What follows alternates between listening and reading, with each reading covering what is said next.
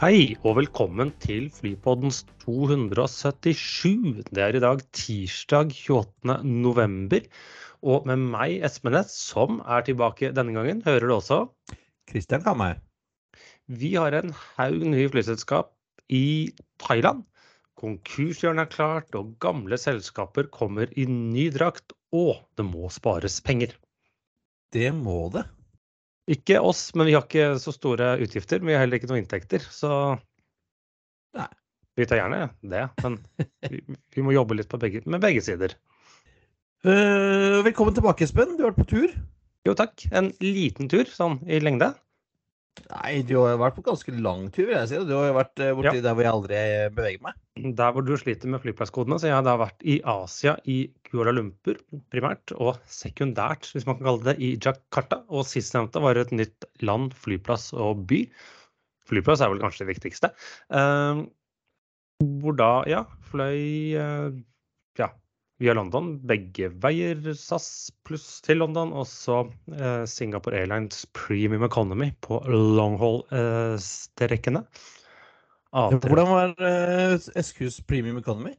Ja, nå har jeg fløyet den før. Jeg syns den er bra. Eh, både service, mat Ja, setet er Jeg fikk få plass og få sove ganske mye.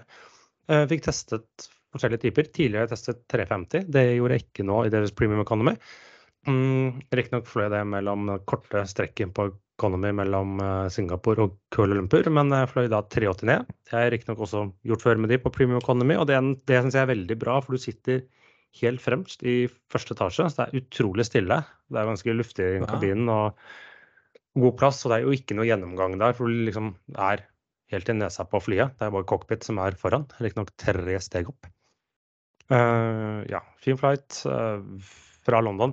Alltid litt dårligere mat fra London enn fra Singapore, er min erfaring. Men det er vel noe med britiske eller engelske kokker eller noe sånt. da. Fikk sovet overraskende mye, sett et par filmer. Det er, veldig, det er jo litt sånn deilig å ha litt sånn når du flyr. Litt sånn hjernede filmer. Ikke som man skal tenke så mye, sitte og slappe av. Så den filmen om Blackberry og den derre No Hard Feelings. Men hvis du lurer på det, gutta, eller, eller også noen jenter det, det, er en scene i den filmen, den er ganske sensurert i eh, om bord på fly.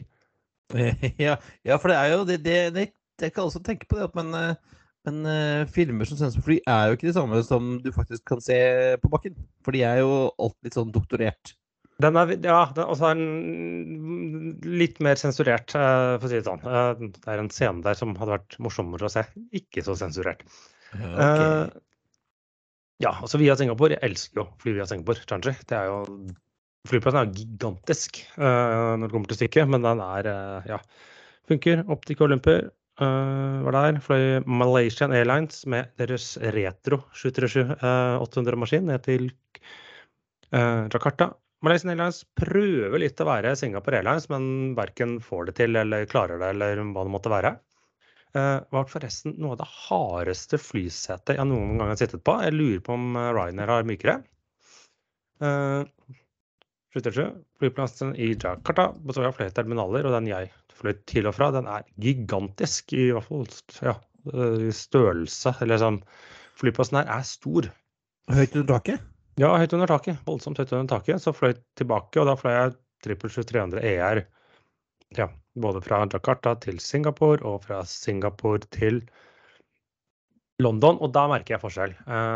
Du sitter jo mer midt i flyet, da, men den det merker at det er mye mer bråkete enn A380 og A350, som jeg har uh, uh, ja, fløyt med før. Singapore Airlines under descend eller når folk skal lande, liker å spille en sånn kjenningsmelodi, og den hører du jo knapt nok i det flyet.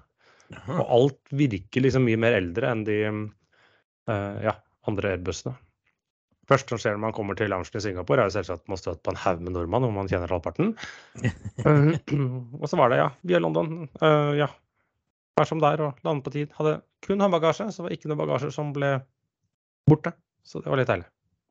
Reiste du en uke i Asia med kun håndbagasje? Ja, jeg hadde nok klart det, og da hadde jeg litt ekstra. Men jeg tok også her Jeg var annet tre netter på samme hotell. Så så ga jeg dem to to, to boksere, to skitne sokker og et par skitne sokker. eh, Og noen skitne skjorter. Og vips, så lå det nystrøket på senga mi når jeg kom tilbake fra møter. Det er jo, det er jo enkelt, eh, det er enkelte Espen. Det er bra. Smart. Ja. Jeg sjekka forresten, det opplevde jeg i London en gang. Jeg var på hotellet, så hadde jeg ikke få- få T-skjorter med meg. Og så skulle jeg sjekke om jeg kunne vaske den T-skjorte, og det kosta da seks pund, tror jeg, å vaske T-skjorte. Og så kunne jeg gå og kjøpe meg en ny en på Primark til tre. Ja, men eh, eh, hotellpriser i Afrika Olymper er veldig hyggelig, og det var heller ikke så dyrt å vaske. Så sier jeg jeg satte det bare på regningen. Ja, ja, det er Det er jo en del av kostnaden med å u, u, Det er utgifter ved tropiske strøk at den skjorta holder ikke mer enn en halv dag. Nei, det er helt sant. Helt sant. Ja. Og du er fra et innenriks? Jeg har ikke fløyet så spennende. Jeg har vært i Trondheim. Strengt tatt I har Steinkjer, men uh, fløy tur tur Trondheim. Og jeg må jo si at eh, eh, på vei tilbake igjen så kom vi litt tidlig. Uh, var litt usikre på trafikken uh, og vei, hvordan veien var fra Steinkjer og sørover, så vi var litt tidlig ute. Så tenkte vi at ah, nå skal vi spise litt eh, god mat på flyplassen. Vinpølse? Ja, det var altså det, det var jo en gang en Max på Værnes. Den er stengt. Skal bygges om til Flight Chicken, men den var jo ikke ferdig ennå. Så vi prøvde oss da på O'Learys, for der tenkte vi at det er noe burger eller noe sånt. Men mm. der likte ikke kjøkkenet, så de kunne, det de kunne diske opp med der, var uh, frossenpizza. Du hadde ikke noe når det er oppi der, da? Noe sadd og hjemmebrent? Nei, Det var dårlig med det også. Så det ble, sånn, det ble en, uh, en sur bagett, da. Ja, ja. Det skal i hvert fall OSL også igjen ha. Eh, De har ganske bra mattilbud, i hvert fall fått på Gardermoen, må jeg si. Ja, Der jeg, jeg syns det er flere steder, og så kan man diskutere opp i mente om prisen, men eh, folk betaler nå, da. Ja, da. det- ja. Så nei, det var ikke fullt så spennende som, som det du hadde, Espen. Men eh, jeg kom, eh, opplevde også eh, årets første de-icing, eller sesongens første de-icing for min del, i hvert fall. Ja. Og snø på Værnes, det ble en liten forsinkelse av det, da. Så skjer jo. Sånn er det å, å reise i Norge på vinteren. Det er ikke det går som det skal. Jeg har det med tropiske regnskyll som jeg opplevde en uh, de-icing, så det er skikkelig spyling. Har du funnet noen fløyter til meg i dag, Espen? Ja da, tema er det også. E Nei, EI 277 BHX til DUB med 320. Ja, Elingus fra BHX, det er vel uh, Og Baltimore? Nei, Nei, nei, nei, nei. Birmingham, selvfølgelig. mm, Sorry. Birmingham. Ja. Eh, til Dublin, ja. ja. Og så er det LS277 LBA til JTR med 737-800. Den har tatt en liten vinterpause nå, hvis jeg kan gi deg et hint. Ja, dette er jo Syden-tur. sydentur. Det er Jet 2. Uh, LBA er jo Leeds- Bradford. Mm. Og JTR J er jo er litt sånn som de um, Alle flyplassene i Canada begynner på Y, så er jo veldig, veldig Om ikke alle, så får veldig mange av de greske øyene begynner jo på J. Ja, I hvert fall halvparten har gått over det. ja. Ja, eh, så er dette her Er dette Santorini, kanskje? Ja, og det heter jo Tyra på eh, engelsk, så det er J og så TR. Det har en sånn nesten ny mening, du skulle ikke tro Ja. det. Og så er det BA277 LHR til HYD med 787. Eh, det er jo Airways fra London til Er det Hydrabad? Ja, that's what they say on the IATA code. Eh, ja, og temaet? Eh, det går fra Storbritannia? Fra England? Ja. Eh, jeg holdt si, jeg holdt på å si et øyer, men det er jo ikke det. India er jo ikke en øy, da. Nei, det er, du drar fra England. Ja, det fra England. ja. Eh, og så har vi to ulykkesflighter denne gangen. Vi starter med et selskap som vi har vært innom flere ganger i ulykkesflight-spolten, nemlig Iraner. Ja, de, de tar ikke helt på pallen. Der er jo Aeroflot og Pan Am, men uh... ja, Iraner er også ganske Har vi ofte innom. eh, Eller Iran generelt, fordi at de har noen, eh, noen tiår med, med sanksjoner har gjort at det, de har jo fløyet rundt med et av verdens største flymuseer ganske lenge. Og dette her er en ulykke med Iraner eh, tilbake i januar 2011 med en Boeing 727, faktisk. ja. Uh, fun fact om denne maskinen, sto, den sto faktisk uh, på bakken i 18 år, denne saken. Uh, først så ble den impounded i Bagdad fra 1984 til 1990. Uh, Det var vel da mens det var krig mellom Iran og Irak, tipper jeg. Uh, Mm, ja. Og så uh, ble den ble den, var den, sto den på bakken igjen fra 1991 til 2002, og så ble den satt i drift igjen. Så etter 18 år på bakken så klarte de å få den eh, opp på fly, i hvert fall i ja, ni år til, da. Eh, Dette var en rute fra eh, Teheran til eh, Urmia i Iran. Jeg vet ikke hvor det er. hen. Ikke jeg heller. Nei. Men kom ikke dit eh, pga. ising og dårlig eh, crewarbeid. Så styrta denne, krasja denne her i ved, ved en liten landsby som heter eh, Tarmani.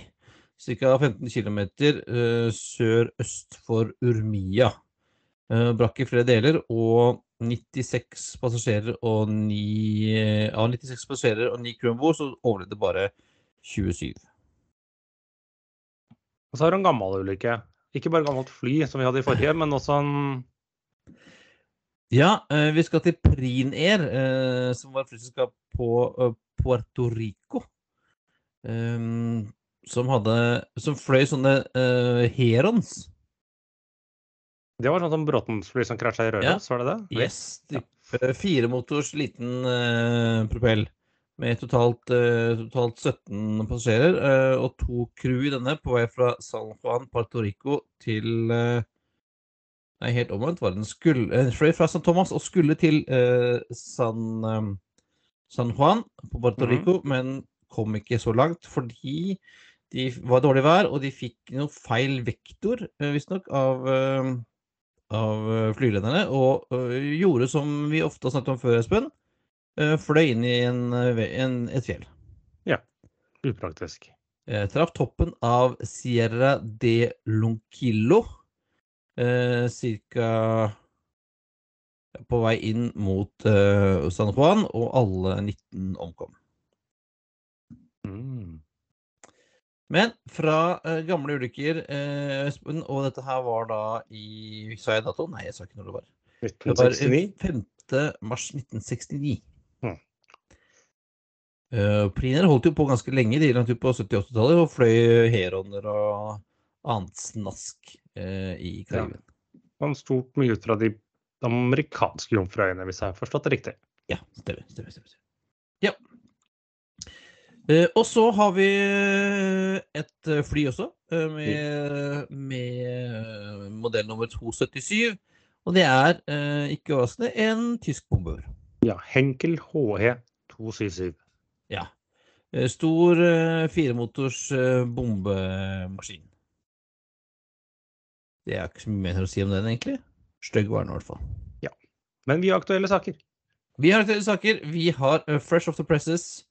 Skal vi starte med Vi har jo snakket mye om SAS og det framtidige samarbeidet med Air France KLM og Eurobonus, og folk som var livredde for å miste bonuspoengene sine.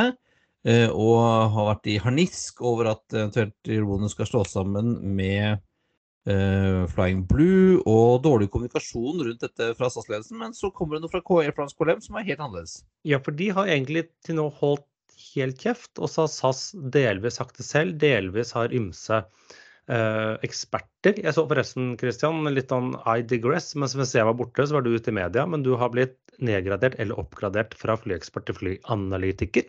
Eh, I NRK. Ja, I NRK, ja. Eh, Så jeg forresten. Eh, Men nok om det. Eh, Og til OK, det er kanskje ikke uproff, så veldig profesjonelt å kalle folk med ymse økenavn, men jeg syns han derre snublefot av en styreleder SAS har, han må slutte å uttale seg. For han sier én ting, og så nå kom Air France, eller Air France KLM sin europasjef. Han hadde vært i Norge i forbindelse med bl.a. Air France var 90 år. Eller var det at det var fløyt 90 Jo, år jeg til tror Norge? Air France 90 år i Norge, tror jeg det var sånt nå. Det De er vel ikke 90 år? Nei. Ja, ja, men Ja. jo, Et eller annet markering hadde de i hvert fall. han ble jo spurt om ja, når skal eurobonus inn i Flying Blue. Han sa, han sa ikke ja. Nei, det sa han, det er ikke sikkert, det er ikke noe grunn til det, sa han. Eurobonus er superbra. Uh, kjempefint. Trenger ikke å slå sammen det med Flying Blue i det hele tatt. Vi får se. Ja. Nå, skal det jo sies at når eh, Dette er jo ikke denne bransjen generelt, da, men når en eh, leder i, innenfor flyselskap er ute og eh, snakker om, så tilpasser han jo alltid kommunikasjonen litt, eller, eller kanskje unntatt enkelte sats. Eh, men så tilpasser de gjerne kommunikasjonen publikum sitt bitte lite grann. Det var akkurat sånn når Bjørn Kjos i sine velmaktsdager eh, reiste rundt, og i hver lille by han besøkte, så begynte han å snakke om longhold. Så var han i Aalborg, så snakket han om rute til New York derfra osv. osv. ja. så, så man tilpasser jo litt, eller man forteller tilhørerne det de vil høre iblant. Men han hadde jo noen poenger. Han sier at liksom, hvorfor skal man slå dem sammen hvis den har mest verdi eh, isolert sett, eller alene. Det var også ja. interessant. Ja, og så er det sånn uh, Det er langt fram i tid. Jeg tror ikke noen veit egentlig. Får, altså, og, og, så lenge Air France Prime eier 19-20 så har det ikke noe å si uansett. Nei, da får du egentlig ikke gjort så veldig mye. Får ikke lov til så mye, da. Så uh, the saga continues. Um, hvis noen, fremdeles, eh, hvis noen er redde for bonuspoengene sine, eh, ikke tror at de har noen verdi, så kan vi kjøpe dem veldig billig. Eventuelt bytte dem mot uh, World Credits. Ja, Det betyr ikke at det kan være litt vanskeligere å muligens få brukt dem en sånn gjennomgangsfase hvor de er ute av Star og ikke helt kommet inn i SkyTeam, men den tid, den sorg orker ikke jeg å bekymre meg over. Nei, Uh, og fra, uh, fra Air France-problem uh, går vi til Turkish. Turkish Airlines har jo dette lavprisbrandet sitt, kan vi kalle det, som heter Andalojet. Anadolojet, ja. Og det er når du sier det, helt riktig, det er et brand. For det er per i dag ikke et eget flyselskap, for det flyr på Turkish sitt AOC. Litt sånn som Snowflake, da? Ja, på en måte, bortsett fra litt bedre gjennomført, tror jeg, og litt fikk det til litt bedre. Men det skal bytte navn til Ajet, eller Ajet på norsk. Uh, skal over på et eget AOC. Eh, ja, det flyr jo da fra baser i denne andre Istanbul-flyplassen, Sabina Gorken, uh, og fra Ankara. Flyr har i dag ni A220-er, 14 A321, mm. 7 728 og 46 727 800. Altså, det, er jo en, det er jo en ganske stor ganske si, flåte de har på oversatte fly. Og sammen med nytt navn så får de også nye, nytt fargeskjema og nye uniformer. Og igjen eh, dobbeltspent eh, i cockpit. Det er nydelig. Ja, og det, er, det, er den, den, det, var det jeg spurte om, Christian. Er det nå den nye trenden? At, uh, at det skal bli dobbeltspent dressjakker på cockpit Det, det, kan Altså, vi har sett det Om det er en trend etter Vi så det Hvem var det? Det var vel uh, Det var en av de vi snakket om forrige gang, som jeg ikke husker hva. Var det Aserbajdsjan, ikke? tror jeg. Ja, Aserbajdsjan, ja. Og, nå, og, nå uh, og Egypt. Så ja, vi får se, da. Eh, jeg uh, syns det kan være en bra ting. Ja, vi får se. Men designet på flyet har vi sett før. Ja, det var ikke sånn. Det var mye hvitt og noe blått og noe greier. Jeg har ikke glemt det, egentlig. Ja, og en fargen til halen som strekkes ned under kroppen. ja, ganske greit. Eh, så litt kjedelig, men eh, hvis du tror at du kan gjøre det bedre, så er det altså muligheten til å vise sine eh, flydesignkunnskaper, Espen. Mm -hmm. og for eh, Air Baltic skal få sin A220 nummer 50 eh, i november. Og i forbindelse med det så har eh, Air Baltic eh, kommet ut med en konkurranse hvor man oppfordrer folk til å designe dette flyet selv. Um, vinneren skal kåres av Air Baltics Frequent Flyer-medlemmer, som kan stemme på 20 finalister. Og vinneren får altså et reisegavekort på Air Baltic på 3000 euro. Og selvfølgelig sitt design på en ekte flymaskin, det er ganske fett. Ja. Um, jeg anbefaler de som føler de har kunnskaper der til å, til å forsøke seg. Og så tror jeg at med mine helst um, godt under middels um, MS Paint-kunnskaper kanskje ikke deltar selv. Nei, men vi kan også vinne, Espen. Mm. Fordi at alle som er med og stemmer, kan vinne billetter på å fly det nye designet som nå skal leveres i november 2024. Mm. Så uh, watch this space. Men Christian, du har ikke vært mye i Asia. Du er generelt dårlig på Jata-kodene borti, borti, der. Men har du vært og, sno, har du vært og snoka i det thailandske luftfartsregisteret, eller hva har du gjort nå? Nei, altså Jeg skal innrømme at jeg har vært og snoka Jeg har vært og lest en artikkel på nett, aerotime.aero, som har eh, en eh, artikkel For de har vært og snoka eh, i, i postjournalen til det thailandske luftfartstilsynet, tror jeg. Og der funnet en liste på 11 Nei, 11, sier jeg. Det var jo bare ljug. Eh, sju eh, nye flyselskaper Nei, ni, sorry. Helt Ni nye flyselskaper som har søkt driftstillatelse i Thailand. Eh, noen har fått allerede, eh, og noen eh, er jeg litt usikker på om er reelle. Men skal vi ta lista, Espen? Ja, og jeg bare før jeg begynner Dette er kategorien litt hummer og kanari når jeg ser på hva de skal drive med. Men flyselskap er flyselskap. Det er. Uh, vi, har, vi starter med Asian Aerospace Company Service. Som allerede driver med overvåkning og survey flights med noen Diamond-fly. Og litt sånn kjøp og salg og vedlikehold eh, har fått eh, lisens til å fly non-scheduled flights. Hva det betyr. Eh, Siam Seaplane har vi vel så vidt snakket om før, tror jeg. Eh, har også fått driftstillatelse eh, for å fly eh, Cessna 208 Caravan sjøfly. Eh, skal fly eh, sånne amfibiske caravans til og fra sånne luksusresorts uh, langs uh, thailandske kysten. Uh -huh. Og så kommer vi til selskapet som vi har snakket om før, Espen. Ja, for det navnet er jo også kult. Fjollete. Ja. ja det, er altså, det er Really Cool Airlines. Eh, som skal eh, planlegge å starte med eh, A330-300 i januar 2024 charterflights fra Bangkok til Tokunarita og Nagoya. Og eh, ruteflygning fra mars 2024 eh, fra Bangkok til Hokkaido og Hongkong, Singapore, Shanghai. Eh, I løpet av 2025 med Airbus A350 eller og eller eh, 787. Jeg, har, jeg er ikke helt sikker på om det blir nå.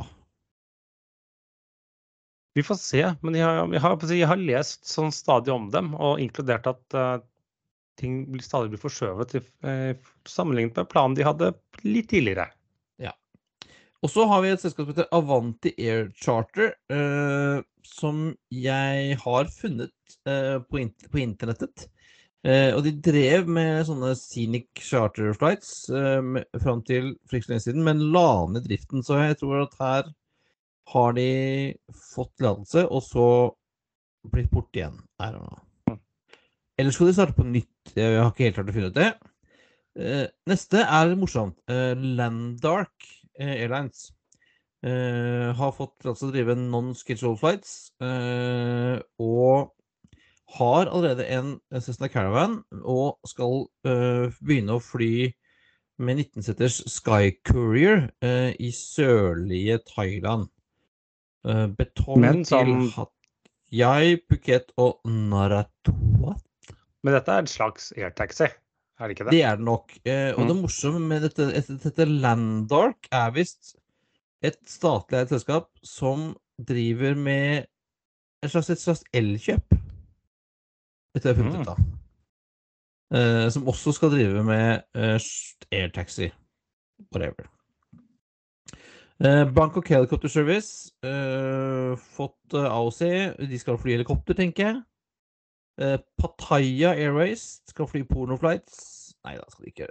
De skal fly frakt. og muligens også senere passasjer. Starter med ATR72 fraktere i løpet av Q1 2024. Uh, og så har vi Asia Atlantic Airlines. Som har det, er jo en mismatch i navnet, Christian. Asia Atlantic Airlines. Ja, det, det, blir jo altså, som sånn jo... European Pacific Airlines. Eller det hadde vært sånn Her blander man jo hav og Ja, det er veldig rart. Uh, og jeg har uh, igjen gjort litt research og funnet at det var et selskap som het Asia Atlantic Airlines, som fløy charter med 767 i perioden 2012 til 2013.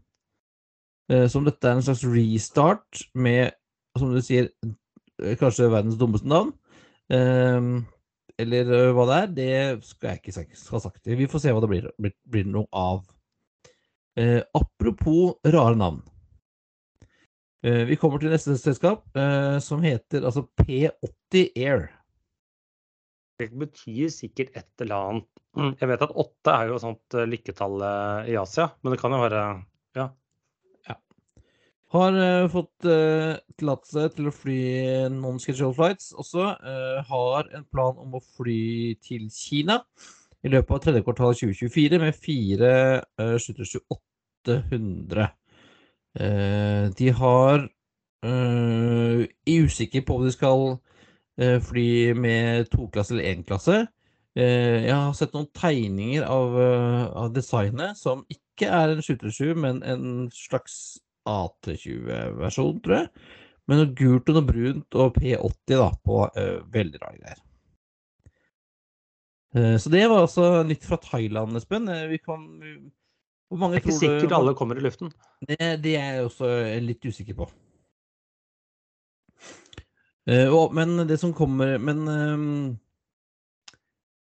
skal vi gå til det du, det du snakket om i starten, at noen trenger penger? Vil i hvert fall spare. Og Avinor, det er De har vært mye ute i media nå i det siste og omtrent truer med konkurs. Eh, ja, det er en regnskapsmessig greie, for de frykter at de må ta store nedskrivninger og derfor få lite egenkapital sammenlignet med de lånevilkårene de har osv. osv. Men ja, det spiller ingen rolle. Avinor er eid av staten, og går de konkurs eller går de ikke konkurs, så tar de. Men de nå begynner jo å litt sånn stikke fingrene i jorda, er at og innser kanskje at en, vi har altfor mye gjeld. eh, Vi har en struktur som kanskje ikke er helt bærekraftig. Dvs. Si vi får ikke nok inntekter eller har fått for mange utgifter pålagt oss, og ønsker rett og slett litt bedre rammevilkår. Ja, og vi, vi kjøper ikke nok sprit.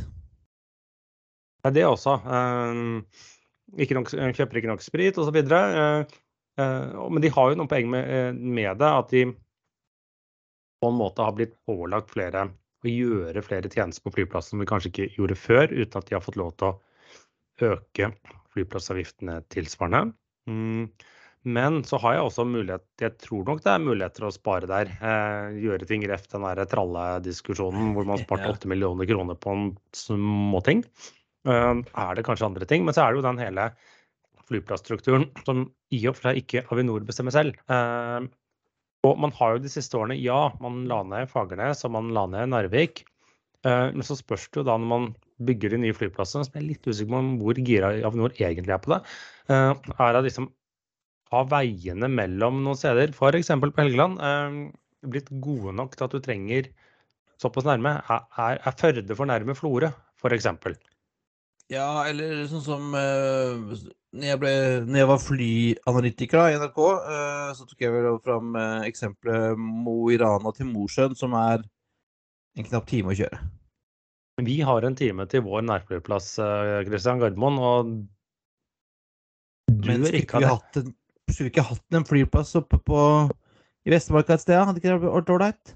Ja, det var det. Nei, så det er jo liksom en sånn spørsmål man skal ta, liksom hva er den riktige strukturen der? Eh, er, kan noen ting gjøres lurere, eller ja, drives på bedre måte? Eh, og så er det jo eh, ingen, som, ingen politiker som vil ta i den, eh, den jobben der å, å kutte flyplasser. For hvilken skal du kutte? Mm. Skal du liksom kutte Mosjøen, skal du kutte Morana, skal du kutte Sandnessjøen, skal du ta Gamvik, Hasvik Altså hvilken skal du ta? Mm. Eh, det blir jo et eh, politisk shitshow uansett. Og et av problemet er jo kan si, gjelden til Avinor. For det, jo, det, er jo ikke, det er jo lett å se at de jeg i og for seg var fornuftig der og da, er, er at før pandemien de hadde jo store utbygginger på Bergen, Gardermoen, ja, også egentlig flere, som da var gjeldsfinansiert. Og så ser de jo nå at trafikken ikke kommer tilbake på 2019-nivået så raskt som de kanskje håpet, trodde eller hadde hatt behov for. Eh, og da med en si, økt kostnadsbase, så klarer de ikke det helt å matche inntektene deres. Nei, også, men jeg, altså jeg, det, har, vært- det har vært mye snakk om dette før kvartalsresultatene kom. Nå kommer kvartalsresultatene i ettermiddag, litt seint. Uh, skulle skulle komme tolv, men kom eh, mye seinere ut. Uh, om du ser på, så har jo inntektene gått opp. Og inntekten per passasjer har gått ned med 1 Mm. Så det, altså, men så- men problemet er jo altså, hva de griner for, liksom. Den vel kanskje også har økt mer. Og det, men det er jo litt sånn at de jeg tror Avinor også må lage litt støy her for å liksom få bedre vilkår fra politikerne. At det handler litt om Dette er litt sånn PR-spinn også, hvor det skal høres mest mulig ille ut. Ja, og så har jo uh, før pandemien så har jo Avinor vært en sånn cash cow for staten. I 2019 så tok vel staten ut godt over en halv milliard uh, i utbytte fra Avinor. Ja, før, uh, før pandemien Ja. var det jo si fast at Avinor utbetalte var det 400 millioner kroner i året i utbytte. Uh, lå omtrent sånn fast i, i prognosene deres hvert år. Ja, og klart, altså Trafikken er ned. Trafikken, det ser vi, jo- skal vi tilbake til etterpå, men eh, trafikken er ned 10 eh, Folk bruker kanskje litt mindre penger. eh, Og så har jo denne så spørsmålet er sånn, Hvor lenge skal vi ha denne modellen hvor Avinor eh, kryssubsidierer flyplassene fordi at den norske staten ønsker at vi skal ha 30 altså 44 flyplasser i Norge? Mm. Så Nei, det mm, Jeg tror jo at vi kunne klart oss med færre. Det er jo hellig, helligbrød å si for en, eh, en som liker fly og flyplasser, men eh, jeg tror kanskje at det er på tide å se over den flyplassstrukturen vi har. Nettopp fordi at ting har skjedd på bakken siden uh, bygd på Ja, nitt- 60-tallet. Siden dette ble laget på 70-tallet, så Ja, har ja, jo faktisk vært noe vei, veiutbygging mellom dem. Og det var jo derfor f.eks. Fagernes ga jo plutselig ingen mening uh, lenger når de kjørte raskere enn du fløy. Ja, og kan, kan du på Helgeland, og da kan du samle trafikken der til én flyplass, eller fall kanskje ta bort én par stykker, så kan du jo heller bygge ut en flyplass og få den større og kunne få eh, få den inn på stamrutenettet istedenfor at du skal fortsette å fly eh, på kortbanenettet. Mm. Det vil jo bli bedre, eh, mer bærekraftig, mer, eh, bedre tilbud, bedre for alle, egentlig. Ja, for det så man jo også når Widerøe har nå signert eh, den nye avtalen mm, for, eh, for kortbane, kortbaneanbudet. Og, og nå, nå skyldes jo det mye at maksimumsprisen har gått ned. Dvs. Si, da trenger du mer subsidier. Men prisen på dette her, som var, har hatt en sånn Kanskje gått litt, litt og litt, litt, litt ned tidligere, så plutselig så ble alt sammen doblet eller tredoblet. Ja. Så, I pris for staten, eller for skattebetalerne. Ja. Ja, eh, Det er godt at det blir litt debatt ute der ute. Jeg tror vi kanskje i løpet av et års tid kanskje kan se at det skjer noen ting på den fronten.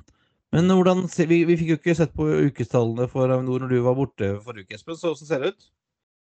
Det, det ligger jo rundt sånn 10% minus mot 2019. Litt dårligere nå de siste ukene, hvor det har vært flere si, av, de tre, av de fire siste ukene så har tre av dem vært dårligere enn 10% mens en så vidt bedre, som er hakket dårligere enn det var tidligere. Men trafikken ligger sånn bitte litt marginalt over 2022, så helt krise kan det ikke være. Og det er litt sånn hvis du driver en bedrift og, og, og hva skal jeg si, inntektene dine eller kundene dine går ned med 10% så bør det være mulig å gjøre en enkelte grep da, for å tilpasse den ny virkelighet. Det er jo ikke sånn at trafikken er halvert. Nei, og det er jo ikke enormt forskjell. øh, men, men du må tilpasse deg, og du må kanskje kutte litt her og der, da. Eller eh, se om du kan øke inntektene din et eller annet sted. Ja. Og så er det jo som sagt, det er jo ting som gjorde si, Ting var fornuftig å bygge i, i si pre-2019 eller pre-2020, hvor de gjorde fornøyd der og der, men man ser jo at det kanskje i ettertid, i ettertid Det er jo f.eks. Bortsett fra når du kommer gjennom, en gang du kommer gjennom passkontrollen opp på Gardermoen på noen Schengen, det er aldri Du går ikke i kø der ute. Det er ikke overfylt der ute. Det er ikke så jævla mye der heller egentlig av fasiliteter, men det er jo det er god plass der. Ja, men der hadde du vel eh, Dere hadde vel trodd at Norwegian sin skulle vokse inn i himmelen, da? Ja, jo, jo, han sier at på den tiden så gjorde det eh, ga det mening. Men nå er det jo en litt sånn en lite, lite brukt del av Gardermoen, føler jeg, som, eh, som man i etterpåklokskapens eh, syn som, Ja, det var sikkert fornuftig å gjøre det der og da, men problemet er da det betaler du for i dag. Ja, ja. Så gjort er gjort, men det har en konsekvens. Så så jeg også at Avinor eh, tok opp uh, det, er, det er interessant at dette dukker opp uh, i debatten med norske flyplasser, eh, er at uh, inntektene fra taxfree har gått ned fordi at regjeringen fjernet muligheten til å gjøre om tobakkskvoten til alkoholkvote. Ja. Og, men det er jo det man sier at taxfree er egentlig ikke taxfree. Det er bare en annen skatt som bare hvis, hvis, du, hvis du reduserer taxfree, så går faktisk inntektene til staten ned. Fordi at det er så noe si, avgiftene, det er så mye avgifter på taxfree. Det heter bare ikke avgift, det heter husleie til Avinor. ja. ja, så det er liksom en, en, måte å betale skatt på, da, på et vis. Uh, men fiffig, altså. Uh, at, uh, men tenkte egentlig Arbeiderpartiet, Senterpartiet-regjeringen på den negative effekten dette hadde på Kunne ha på flyplassene på kortbanenettet når de fjernet muligheten til å gjøre om 200 sigaretter til et par flasker vin? Nei, og det er det som jeg sier, at du kan si at si, taxi er dumt eller ikke dumt, men det viser jo det at når du da kutter Du ønsker å liksom kutte taxfree for å da få kall det sitt, la oss si det var 300 millioner kroner i ekstra skatteinntekter på et annet sted, så forsvinner jo bare det ut fordi at du får mindre, du må gi mer støtte til Avinor. Så du har jo kommet like langt. Ja. Jo, men Avinor vil ha de pengene, da. Det er det. Jo, jo, jo, jeg vet det, da. Men det er liksom Ja. Ja, eh, det er jo veldig, veldig gøy. Eh, ting går opp og ned og fram og tilbake og ut og inn, og jaggu har ikke eh, kineserne funnet ut Comac, som lager C919, som nå er i trafikk også, bestemt seg for å gjøre, en, gjøre som Boeing Airbus og lage en stretched og en shortened variant. Ja, så dagens utgave har sånn rundt 160-164 setter, og nå skal vi lage en på 210 og en på 140.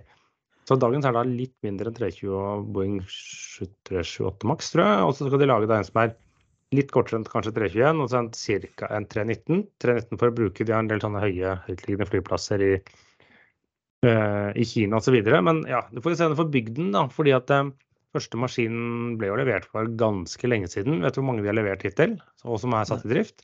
Nei. 20? To. To. to. Okay. Så ja. Ja, da er det på tide å lage en hel familie, tenker jeg. Så stretch-varianten skal uh, få 210 seter da, i to klasser, og denne korte varianten, eller platå-varianten, typisk så kunne fly til uh, sånne Hotten High, Tibet og sånne ting. Mm. Uh, for 140 seter, ja. den er litt sånn stuttjukk, og den andre er sånn halvlang. Så vi får se hvor lang tid det tar før disse kommer i drift. Det kan jo ta litt tid. Ja, Apropos det, vi snakker om Kina-fly, det glemte jeg helt på min reise. For idet jeg landet på Jakarta, så så jeg da en sånn ARJ21 stå der. For ja. første gang i mitt liv, sett med egne øyne. Det hadde jeg helt glemt. For det er den der som flyr for det indonesiske selskapet? det? Transnusa har eneste de har klart å eksportere til. Så jeg liksom lander inn, og så taxier jeg, ser ut av vinduet, og så liksom Hva i all verden er det der? Og så bare ja! Så den ser jo ja, ut som en ser. Det er jo sånn Ser ut som man har tatt motorene fra en eh, CRJ og satt på en kopi av Boeing 717 og lagd den enda litt mindre. Og enda litt kortere bein. Ja. Ja, det, ja, det stemmer, det. Det var gøy. Det er gøy. Eh, jeg har aldri sett en eh, kinesisk bygd maskin i levende livet. Men så må vi via konkurshjørnet.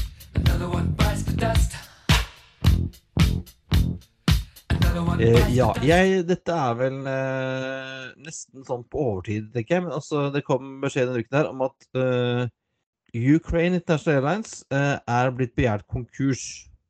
Ja, for de har visstnok ikke betalt regningene sine på lang tid. De har heller ikke fløyet noe. Men de har litt sånn Virker som mer kall det seg ga opp, eller bare har gitt seg dvale til krigen er over. Mens gjengjeld disse Skyup og sånne ting, de, de leste jeg om nå. De gjør det sånn helt greit med all den driver forskjellig um, wetlease-virksomheten sin. Ja, for de har vel klart, klart vel å ha flest av flyene sine utafor uh, Ukraina når russerne banka på. Mens for uh, U, um, Ukraine International så var det vel 10-11 fly stående på bakken ja. i sånn men det er liksom at ja, de flyr jo ikke, så det er jo ikke rart at da går som det går. Jeg tror fort at dette er noe som kan dukke opp igjen eh, etter krigen en eller annen gang, men uh, man får jo. Det men, er jo da uh, Og United International er vel, var vel, er vel statseid, er det ikke det? Nei, jeg tror det var eid av noen sånne oligarker som det meste mye annet ja. rart er, men det var nok statlig før. Ja, men fra, statlige ukrainske banken Ukrexim Bank som da har uh, uh, levert inn konkursbegjæring, da. Men skal vi gå fra én trist sak til en annen trist sak, Kristian? Uh, ja. Vi tenner et lys. Vi tenner et lys for dette paret fra Kristiansand uh, som i Dagbladet eh, var sjokkert over at de måtte mellomlande på vei til Granca. Ja, for det var uh, disse bra, som ikke ikke alt med den charteroperasjonen deres har gått riktignok superbra, men det var litt motvind eller det var litt lite fuel eller et eller annet som gjorde at de mellom Granca og Kristiansand, som er en litt sånn marginal operasjon pga. litt kort rullebane i Kristiansand, vel, men Ja, så på vei ut av Kristiansand til Granca så er, må man ofte tanke, fordi at du kan ikke fylle den eh, kjerra helt opp med fuel når du skal så langt til Granca, og da må du et sted å tanke, da. Normalt går det breit, greit, for det er jo ikke ligger i rutetabellen, men at du må da mellomlande for å fylle bensin, og så klarer du å smelle det trynet ditt utover avisa og klage. Sorry, det går ikke an. Nei, eh, det var gøy å lese kommentarfeltet. Det var, det var, ikke, det var ikke, mye sympati for dette, dette, paret, som hadde bestilt en tur til, faktisk. Men, men da, nå ville de heller neste gang til Granca, det gjorde vi ganske ofte, nok, så ville de heller kjøre til Stavanger eller Torp. Ja. Eh, som vel tar litt lengre tid, vil jeg ja. tro, enn en liten fuelstopp. Men dem om det. Uh, vi, som sagt, vi tenner et lys uh, og håper at det blir uh, bedre tider for parafrekvensen. Ja, men vi har, har, en anbefaling og har hørt på noen som har jeg vil si hakket mer peiling enn oss. Ja, Det er faktisk en dobbeltanbefaling. Vi starter med den ene. Det er altså denne podkasten Airline Weekly Lounge, som vi vil ha anbefalt før. Eh, men denne nyeste episoden som jeg hørte på i helgen, eh, er et intervju med sjefen for Air Lease, Steven Udvar Hazy, mannen som egentlig fant opp flyleasing, tror jeg. Ja, du kan jo si han i hvert fall grunnlaget, og først lagde et flyskap, ILFC, som ble solgt til AIG. Fikk veldig mange milliarder for det, og så bare gjorde han samme saken igjen og starta på nytt. Ja. Eh, så han i denne podkasten, som er et intervju fra en konferanse, så snakker han om hvorfor eh, luftfarten ikke klarer å bli, eh, bli eh, bærekraftig innen 2050. Hvorfor det ikke kommer en ny clean slate flymaskin fra Boeing Airbus anytime soon. Hvorfor han ikke vil kjøpe 777X og ganske mye annet. Han er jo en mann som kan bransjen mer enn veldig mange andre. Han kan, han kan mange. Ja, og så kommer han ikke bare med selvfølgeligheter. Han tør Nei. å faktisk ta litt kontroversielle eh, synspunkter også. Klart, Når du eh, står der og kan kjøpe et par hundre fly fra Airbus på gangen, så har du litt leverage. Uh, og, han um, Så den, den, anbefaler vi også. Og så vil jeg også anbefale en annen podkast som vi hørte om samme mann. Mm. Eller med samme mann. Det fins en podkastserie som heter How I Built This. Ja. Um, som vi også skal linke til. Uh, og der blir også Rahazy intervjuet. Da forteller han liksom hele historien sin. Fra han som uh, som, uh, som tenåring dro, tok T-banen ut til LaGuardia og Idlewild i New York, og så på fly. og fortalte mor og faren sin at han dro på biblioteket. Så han er en ekte, er en ekte flynerd. Um, han er en nerd som klarte å leve av hobbyen sin. Ja, og gjorde noen helt, noen sånne eh, helt crazy ting eh, som eh, som 19-åring 19 så han sitt første altså, så gjorde han sitt første flybrokerage-deal. Ja, ja han, han, er jo en gründer, og han er jo en businessmann. Eh, veldig interessant å høre på. Jeg, vil anbefale å høre kanskje hør How I Built This eh, først. Og så kan du høre på um, den andre etterpå. Det var alt for denne gang. Det er på tide å feste sikkerhetsbeltene, rette opp setet og sikre frisitt ut av vinduet ettersom flight 277 går inn for landing. Som vanlig finner du linker til det vi har snakket om i dag på enkeltspent.no slash freepodden. Du finner oss også på facebook.com slash freepodden og på LinkedIn og Instagram overalt ellers. Uh, har du spørsmål, vil du at vi skal ta opp noe spesielt, vil du sponse oss, invitere oss på flytur eller en kaffe eller whatever, så er det å sende oss en mail på hallo at freepod.no eller sende oss en melding på Facebook. Ha det bra. We thank you for flying with us today. We truly appreciate your business and look forward to serving you on a future flight.